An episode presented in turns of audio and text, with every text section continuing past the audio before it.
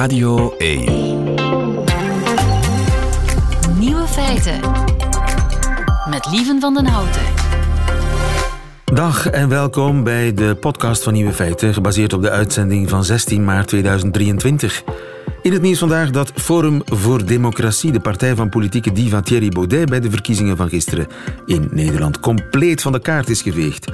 Van 12 naar 2 zetels in de Senaat. Aan zijn campagne zal het niet gelegen hebben, want eergisteren lanceerde hij nog samen met rapper Schizo deze knaller. Alle prijzen gaan omhoog en je stresst onder huur. Je kan bijna niks meer zeggen door die cancelcultuur, maar dit is niet zo above that. What you gonna do about that? Schizo en Baudet, what you gonna do about that? Cancelcultuur. Baudet rappend met Schizo. In de bijhorende videoclip zit Baudet overigens aan de keyboards. In hemdsmouwen, maar met das. Blijven boeken schrijven, Bart. De andere nieuwe feiten vandaag. Terwijl de politiek in Vlaanderen en Nederland met stikstof worstelt, waarschuwen wetenschappers in Engeland voor een andere bedreiging voor de natuur. Met name fosfor. Zijn uw voorouders ooit tot slaaf gemaakt, dan heeft u recht op 5 miljoen. Schadevergoeding. Het is nog maar een idee, maar het stadsbestuur van San Francisco overweegt het. En luisteraar Eva die probeert haar onmogelijke liefde te vergeten door een relatie met iemand anders te beginnen. Wat vindt Rika Ponet daarvan? En de nieuwe feiten van Koen Lemmens, de prof publiek recht, die hoort u in zijn middagjournaal. Veel plezier. Nieuwe feiten. Ook dat nog, terwijl de politiek in Vlaanderen en overigens ook in Nederland met stikstof worstelt, waarschuwen wetenschappers in Engeland voor een andere bedreiging voor de natuur, met name fosfor. Erik Smolders, goedemiddag. Goedemiddag. Oeh, Erik, je klinkt van ver. Ik weet niet of jij je telefoon ietsje dichter bij je mond kunt brengen. Gaat dit beter? Dit gaat beter, Erik. Jij bent uh, bio-ingenieur aan de Universiteit van Leuven. En het Ja. zijn jouw collega's in Engeland die waarschuwen voor wat zij een fosforgeddon noemen. Een Armageddon door fosfor. Ja, je lacht er een beetje mee. Is de apocalyps nabij? Ja, wel, ik, ik ken mijn eh, goede collega's daar. Ik denk dat ze het, ja, dat is mooi voorgesteld. Eh, een apocalyps, eh, goh, ik denk niet dat het zo erg is, maar er is in ieder geval opnieuw een dreiging van een tekort aan fosfor in de wereld. Op sommige, een tekort waardoor de prijzen ongelooflijk gestegen zijn, terwijl aan de andere kant bijvoorbeeld bij ons een probleem ontstaat van te veel. Net zoals bij de stikstofcrisis, lokaal in Vlaanderen, iedereen weet het intussen, hebben we te veel stikstof. Maar wat we misschien wat minder belicht hebben, is dat er wereldwijd een tekort is aan stikstof. En hetzelfde is nu ook voor fosfor. Dus die fosfogeddon, het eigenlijk het idee is van de apocalyps, is van ja, er dreigt een tekort. Een Er gaat voedseltekort in de wereld door de, de stijgende prijs. Dus de laatste maanden zijn die prijzen weer zo hoog gegaan dat er tekorten zijn voor mensen. En op de andere kant van de, op andere plaatsen, zoals in Vlaanderen, dreigt er een milieuprobleem van te veel. En dus, daarover gaat het. ja. Het fosforgeddon slaat op het voedseltekort door een gebrek aan fosfor. Maar dus er is Ja. tegelijkertijd te veel en te weinig. Dat is een beetje verwarrend. Laten we bij het te veel beginnen. Dat is dan hier, Ja. bij ons, waar ook eh, te veel stikstof is. Nu, stikstof, dat slaat neer. Dat gaat via de lucht. Hoe komt fosfor in de natuur?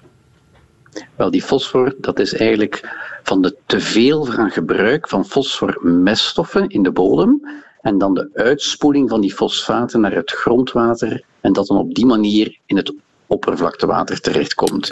Dus het teveel aan meststof, voornamelijk het historisch gebruik van, van, van fosfor in Europa, heeft ertoe geleid dat we op vele plaatsen te veel fosfor hebben in ons water. Dus het gaat hier wel degelijk over een probleem van water, waar er te veel algen in groeien en dan Ah. de gezondheid van het water in het gedrang komt. En met name hele grote meren hebben daar al last van. hè. Het Erie-meer in Amerika, Victoria-meer in Afrika, Baikal-meer in Rusland. Die hebben te Ja. lijden onder fosforvervuiling. En wat, wat is daar concreet het probleem mee? Algenvorming, hoor ik u zeggen? Ja, dus wanneer, er te veel, wanneer je te veel voedingsstoffen geeft in het water, dan beginnen de algen te groeien, te bloeien. En wanneer die afsterven, dan is er een tekort aan zuurstof in het water en dan gaan de vissen sterven. En dan komen ook toxische stoffen van die algen in het water terecht. Dus de waterkwaliteit daalt, Dat kan soms heel acuut zijn, dat er opeens dode vissen bovendrijven. Maar het kan ook gewoon chronisch zijn, algemeen minder zuurstof in het water. Door een algenbloei, zoals men dat heet. Ja, en hebben wij daar in Vlaanderen ook last van, van die algenbloei door fosfor? Ja, ja. we hebben in Vlaanderen duidelijk uh, ik denk dat het zelfs het probleem van fosfor, in het, als je spreekt over aantal waters die de norm overschrijden, is fosfor de kampioen van alle normoverschrijdingen. Ik denk 80 of 90 procent van onze Vlaamse wateren hebben te veel fosfor. En dus dat is wel degelijk het geval hier bij ons ook zo.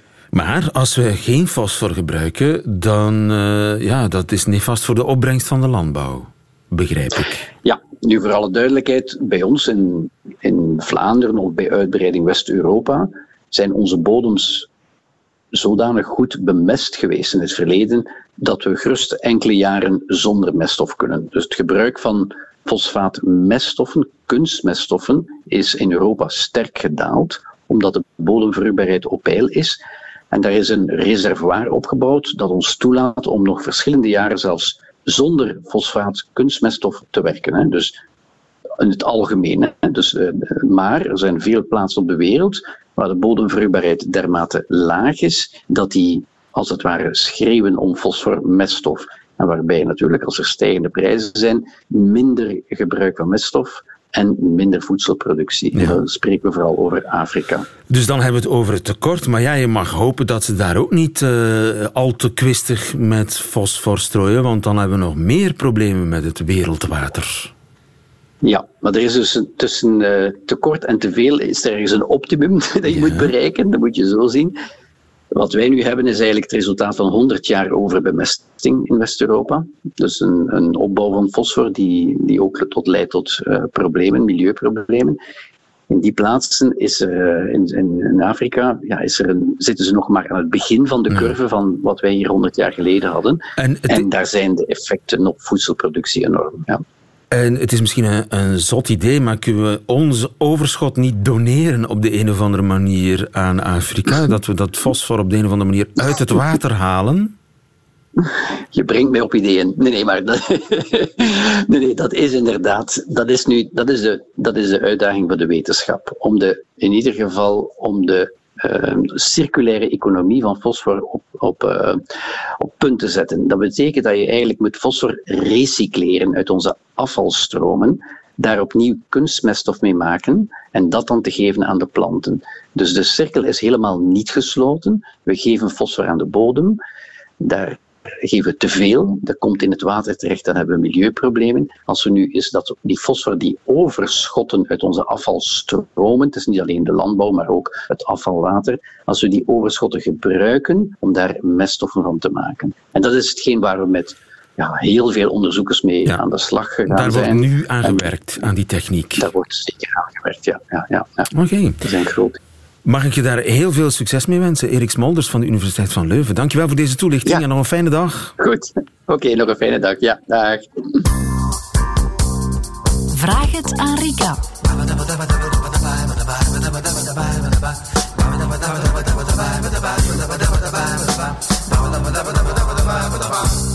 En het is weer donderdag en u raadt het al, dan verschijnt hier, als bij het overslag, relatiedeskundige Rika Ponet. Goedemiddag Rika. Goedemiddag lieve. Om te antwoorden op alle, of niet alle maar één van uw brieven, één van uw kwesties die u heeft willen voorleggen aan Rika. En we pikken er eentje uit vandaag.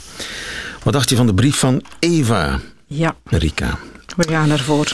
Eva schrijft: Ik ben al vijf jaar vrijgezel na een zeer intense relatie van bijna tien jaar. Met veel ups en downs, maar vooral veel fysieke chemie en intens graag zien. Mhm. Oké.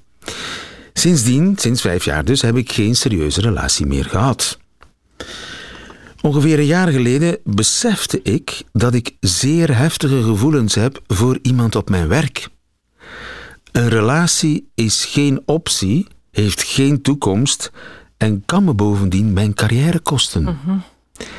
Ik heb toen tijd genomen om het voor mezelf te accepteren, want er tegen vechten maakte het erger.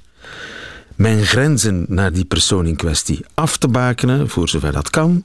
Nooit alleen te zijn met hem enzovoort. En vooral het niet voeden en dus niet uitspreken of te veel tonen. Ook wel iets dat veel energie vraagt, want non-verbale signalen heb je uiteraard niet altijd in de hand. Ja, Ik vraag me af wat die non-verbale signalen zouden zijn. kunnen zijn. lang oogcontact. Ah, ja, ja, ja. Zoiets. Allemaal in de hoop dat het wel zou weg hebben. Wat het wel extra moeilijk maakte, is dat hij intussen in nog meer projecten zit waarin ik betrokken ben en dus het contact verminderen eigenlijk niet kan.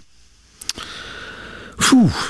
Bij momenten is het zelfs zeer persoonlijk en intens, schrijft Eva. Het blijft wel professioneel, maar ik moet er zelf wel steeds erg van bekomen. Ja, mai, ja.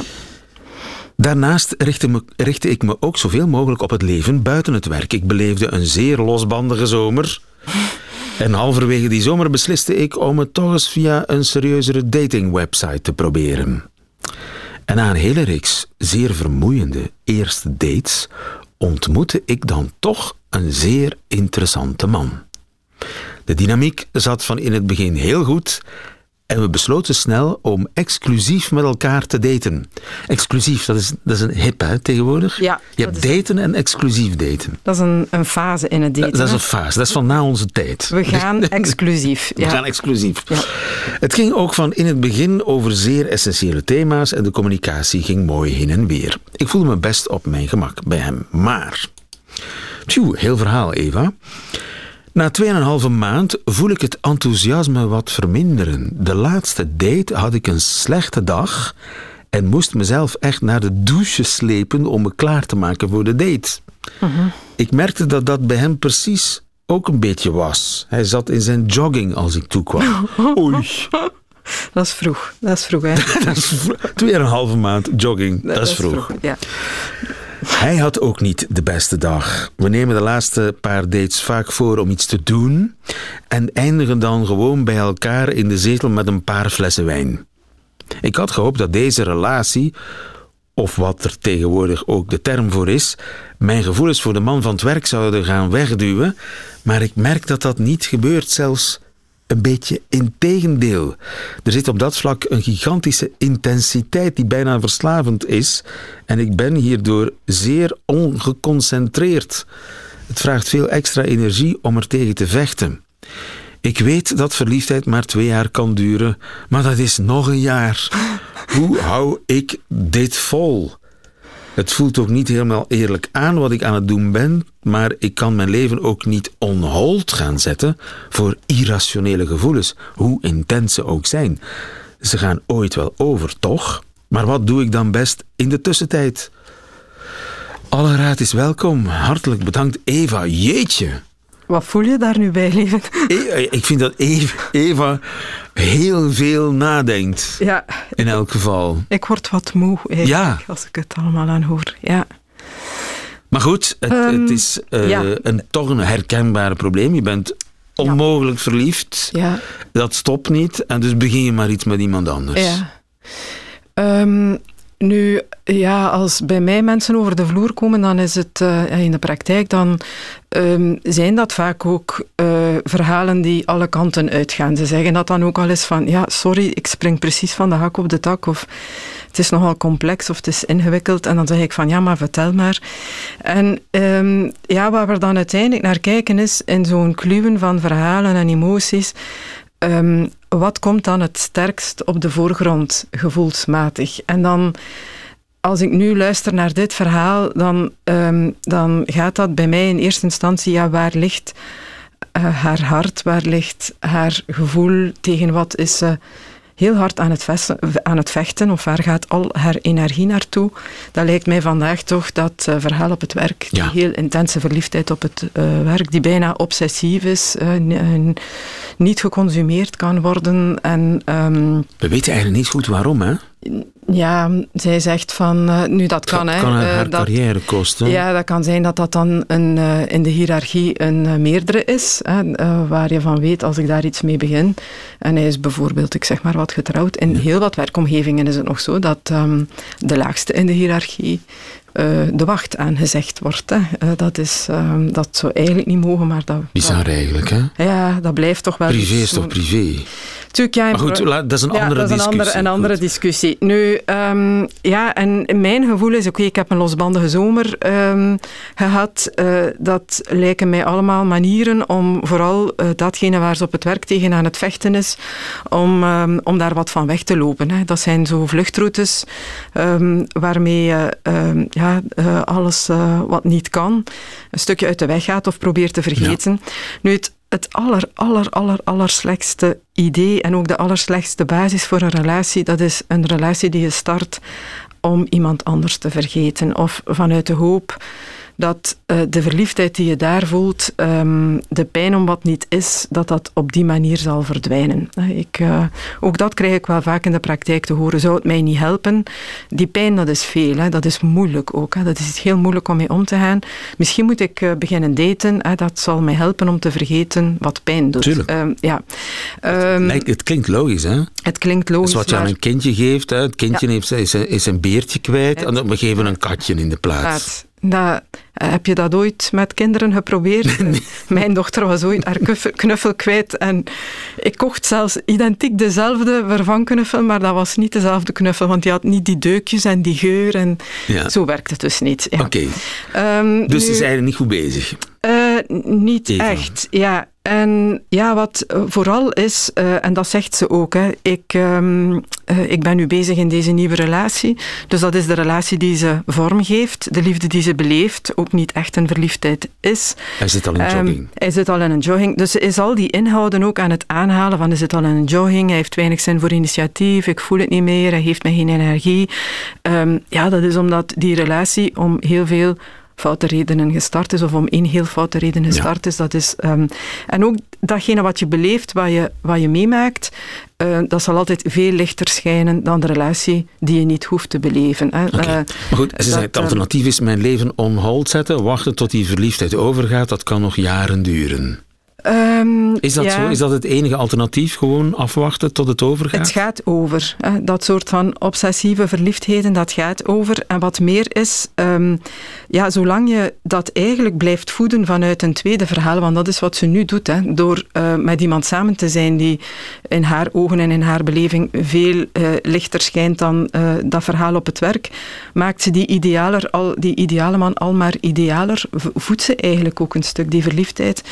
Ik denk denk uh, dat het bijzonder belangrijk is om dan ergens de moed te hebben van ik blijf inderdaad wel in dat gevoel. Ik ben nu heel erg verliefd op die man.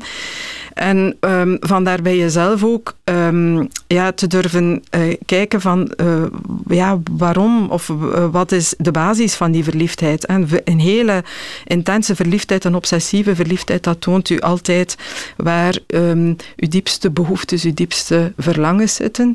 En verliefd worden op iemand die niet beschikbaar is, dat is ook vaak omdat je zelf nog een hele grote angst hebt om dat soort van liefde te beleven of om jezelf dat soort van liefde toe te staan. Um, en dat vind ik dan de interessantste, van uh, durf te kijken, ja, wat, wat maakt nu dat ik daar zo verliefd op ben? Wat is die diepere behoefte bij mezelf? En dat gaat dan altijd over, eigenlijk, ja, ik wil erkenning, ik wil graag gezien worden, um, ik wil deel uitmaken van een relatie waar dit gevoel centraal staat. Um, maar door voor iemand te kiezen, op dit moment uh, met wie ze dat niet kan waarmaken, blijft ze daar tegelijkertijd ook een stukje nog van weg, omdat ze het volgens mij vandaag ook nog niet echt aandurft. En uh, ik denk dat het heel interessant is om daar niet van weg te lopen. Wat zij ja. nu doet, dat is mijn gevoel nu, dat ze veel te veel wegloopt van zichzelf. En dat het heel interessant zou zijn van te kijken, bon, uh, ja, wat is de betekenis van deze obsessie, van deze verliefdheid? Wat roept deze man bij mij wakker? Um, over welke behoefte gaat dat en kan ik Z Zeg je nu, praat er eens met hem over? Uh, ik heb toch ook al, um, naarmate, weet je, vroeger zeiden ze dat, hè, idealen hangen aan de muur. Hè, um, dat het uitspreken niet altijd noodzakelijk betekent dat het contact ook gevoed wordt. Het kan ook zijn als het uitspreekt, één, dat er aan de andere kant iemand is die het helemaal zo niet ziet. Ja. Ehm, maar ook ehm, ja, dat, dat, dat dat heel snel duidelijk wordt. Ja, eigenlijk is het toch niet wat ik uh, wil. Door iemand beter te leren kennen gaat de magie, want dat is veel projectie. Hè? Een obsessie, een verliefdheid op afstand, dat gaat eigenlijk altijd over een vorm van projectie. Jij ziet in de andere de invulling van al jouw behoeftes, terwijl dat je daar helemaal niet zeker van en bent. Misschien moet zij gewoon uit zijn mond horen eh, ja, één ben je beschikbaar. Ja, of, uh, of vanuit het, me niet. Ja, of vanuit het contact. Tja, eigenlijk zegt hij toch ook maar domme dingen. Hè? Uh, ja. Die is helemaal zo magisch niet, of zo ideaal, of zo perfect. Uh, ja, die wordt dan wat mens. En, en ja, dan, dan ja, heeft ze misschien ook het idee van... Bon, die blijkt ook na drie maanden al in zijn jogging te zitten. of die zit vandaag één in zijn jogging. Hè? Laten we hopen. Ja. voor Eva dat de jogging er uh, snel aankomt.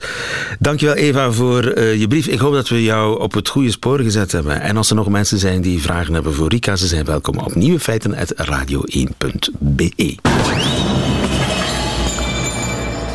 Lieven van den Houten. Zijn uw voorouders ooit tot slaaf gemaakt, dan heeft u recht op 5 miljoen. Schadevergoeding.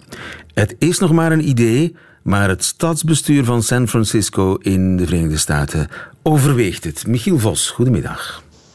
Goedemiddag, lieven. Onze man in Amerika. Goedemorgen moet ik tegen jou zeggen. Het is nog vroeg uh, in de States. 5 miljoen schadevergoeding, dat is geen kattenpis. Uh, nee, dat uh, is ook een beetje als een bom ingeslagen in Amerika. Het is een, wat jij terecht aanhaalt als een soort ontwerpvoorstel van de Raad van Toezichthouders. Dat zijn eigenlijk zeg, wethouders en gemeenteraadsleden in één. In San Francisco heeft dit inderdaad voorgesteld.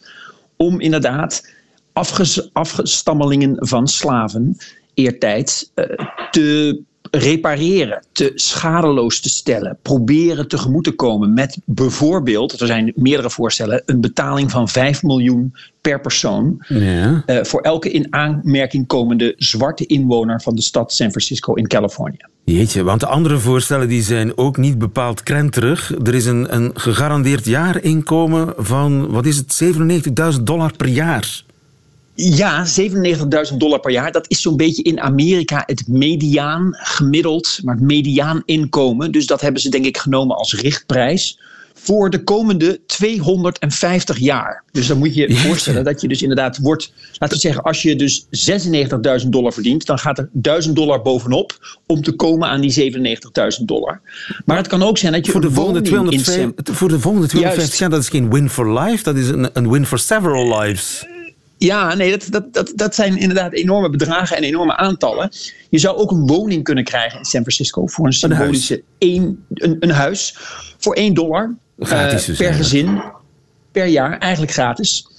Schulden kunnen worden kwijtgescholden die je hebt. Uh, belastingvrijstelling voor bedrijven die worden gerund door African Americans, door zwarte mensen in San Francisco. Allerlei maatregelen op school, dat er aan scholen meer moet worden onderwezen uh, van zwarte geschiedenis, uh, zwarte schrijvers, zwarte geschiedenis, et cetera. Dus het is een palet aan voorstellen. Het zijn nog maar voorstellen. Het is een ontwerpvoorstel, maar het is serieus genomen. Het is zeg maar aangenomen om serieus te worden besproken door die Raad van Toezichthouders. Dus nu is het serieus en nu wordt het dus ook zeg maar een beetje landelijk neergelegd als een voorbeeld of als een waarschuwing van hoe uh, de geschiedenis van Amerika, die zwarte pagina en de geschiedenis, no pun intended, van slavernij, hoe die kan worden gerepareerd, zoals wij dat een beetje noemen. Maar, hoe moet je dat aanpakken? Moet je het überhaupt aanpakken, is eigenlijk de vraag. Maar wie zou daar dan recht op hebben op die pakweg, uh, wat was het ook alweer, 5 miljoen? 5 miljoen. Ja, die 5 miljoen. Nou, er zijn ongeveer 50.000 zwarte inwoners van San Francisco. Dat is niet veel.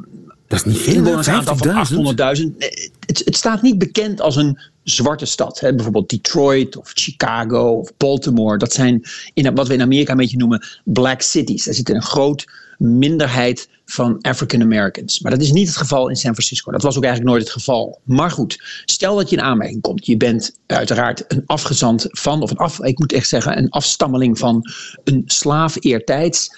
Uh, je kunt aantonen dat dat zo bent. Je hebt een tijd gewoond. Er zijn allerlei criteria die, waaraan je moet voldoen. Je hebt een tijd gewoond in San Francisco. Ja. Je komt in aanmerking. Ja, dan moet dat worden betaald natuurlijk uiteindelijk door de belastingbetaler in de stad. We hebben het dus alleen maar over de stad San Francisco. Hè, dat een grote stad is, maar ook weer niet zo heel groot. Het is een beetje te vergelijken met de grootte van Amsterdam.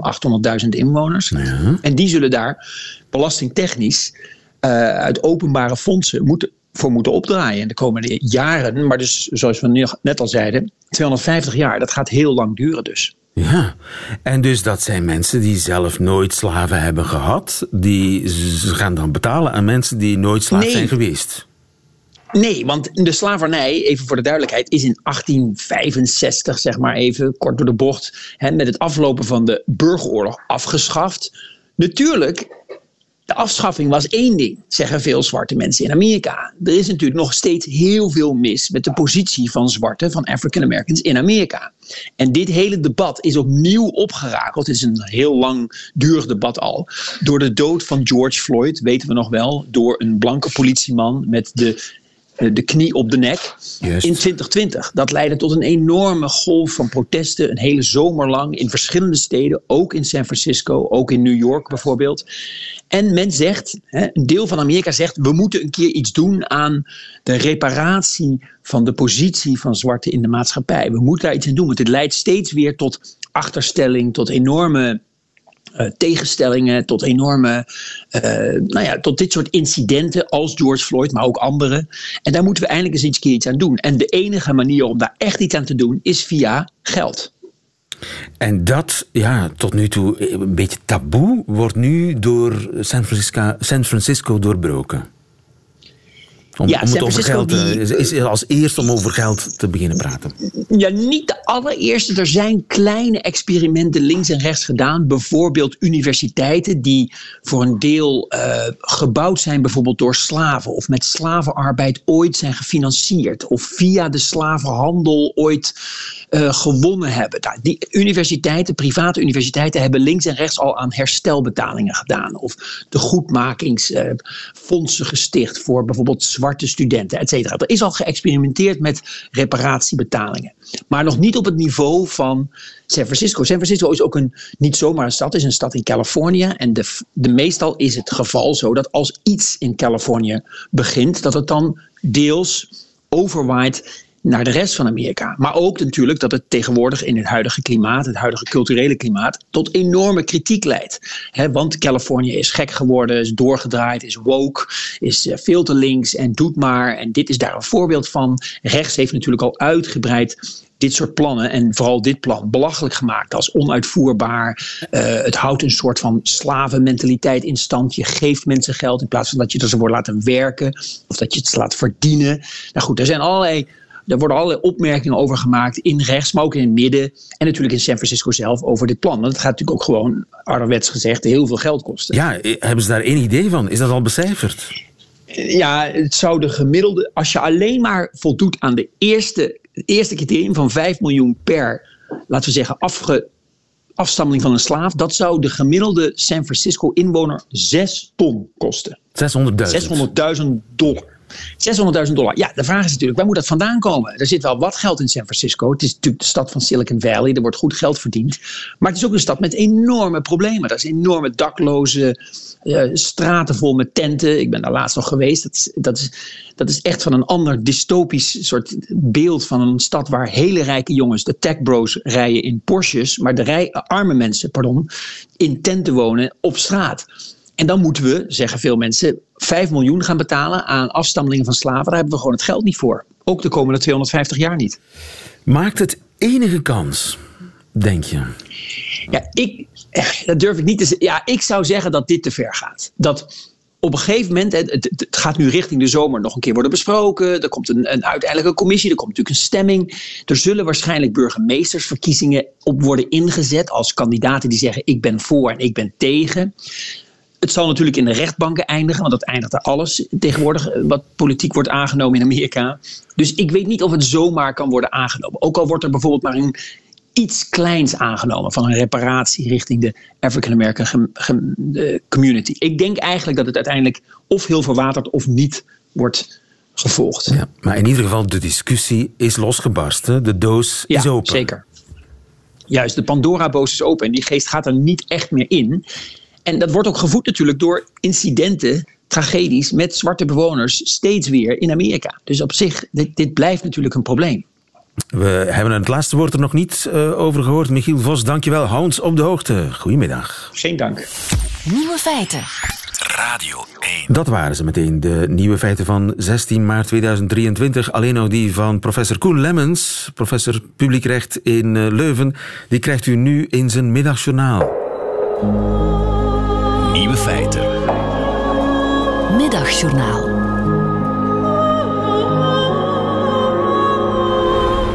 Beste luisteraar. Wie in ons land wil doorgaan voor een ernstig intellectueel, kan maar best met een grafkelderstem doemberichten verspreiden. Er is niets wat men hier zo voor intelligentie houdt als het verkondigen van ontij, ondergang en negativisme. Wie erin slaagt om zijn samenlevingskritiek kwansuis ook nog wat op te smukken met verwijzingen naar neoliberalisme, is al gauw Nobelprijswaardig.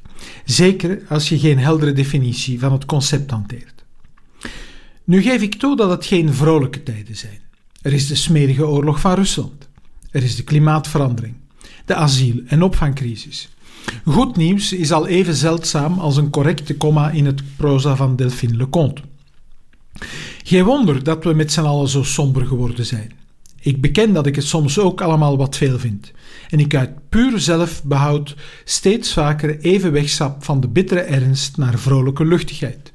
Een shot Anke Buckings des ochtends vroeg sterkt het mentaal welbevinden. Meer kan ik niet zeggen, want het is uiteraard niet de bedoeling dat ik hier radiodivas van de concurrentie prijs. Maar wacht eens. Heeft de openbare omroep hier geen rol te spelen? Was die niet op zoek naar hernieuwde relevantie?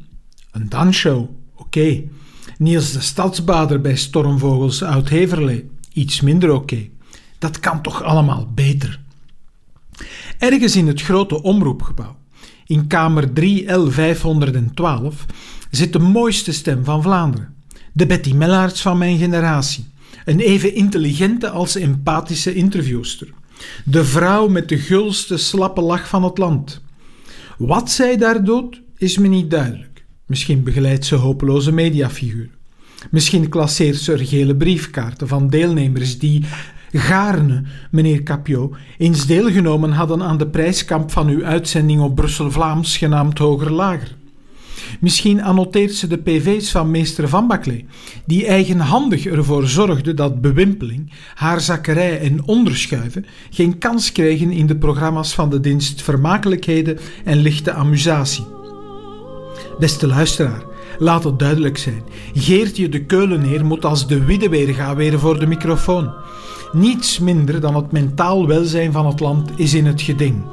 Akkoord, voor psychologen dreigt wat werkloosheid. Mental coaches kunnen de boeken sluiten. Maar voor de rest zie ik alleen maar voordelen. Zal ik, beste luisteraar, al even voorbidden? Geertje de Keuleneer, wij zijn niet waardig dat gij tot ons komt, maar spreek alleen lijk één enkel woord en wij zullen allen spontaan de horlepiep dansen van puur contentement.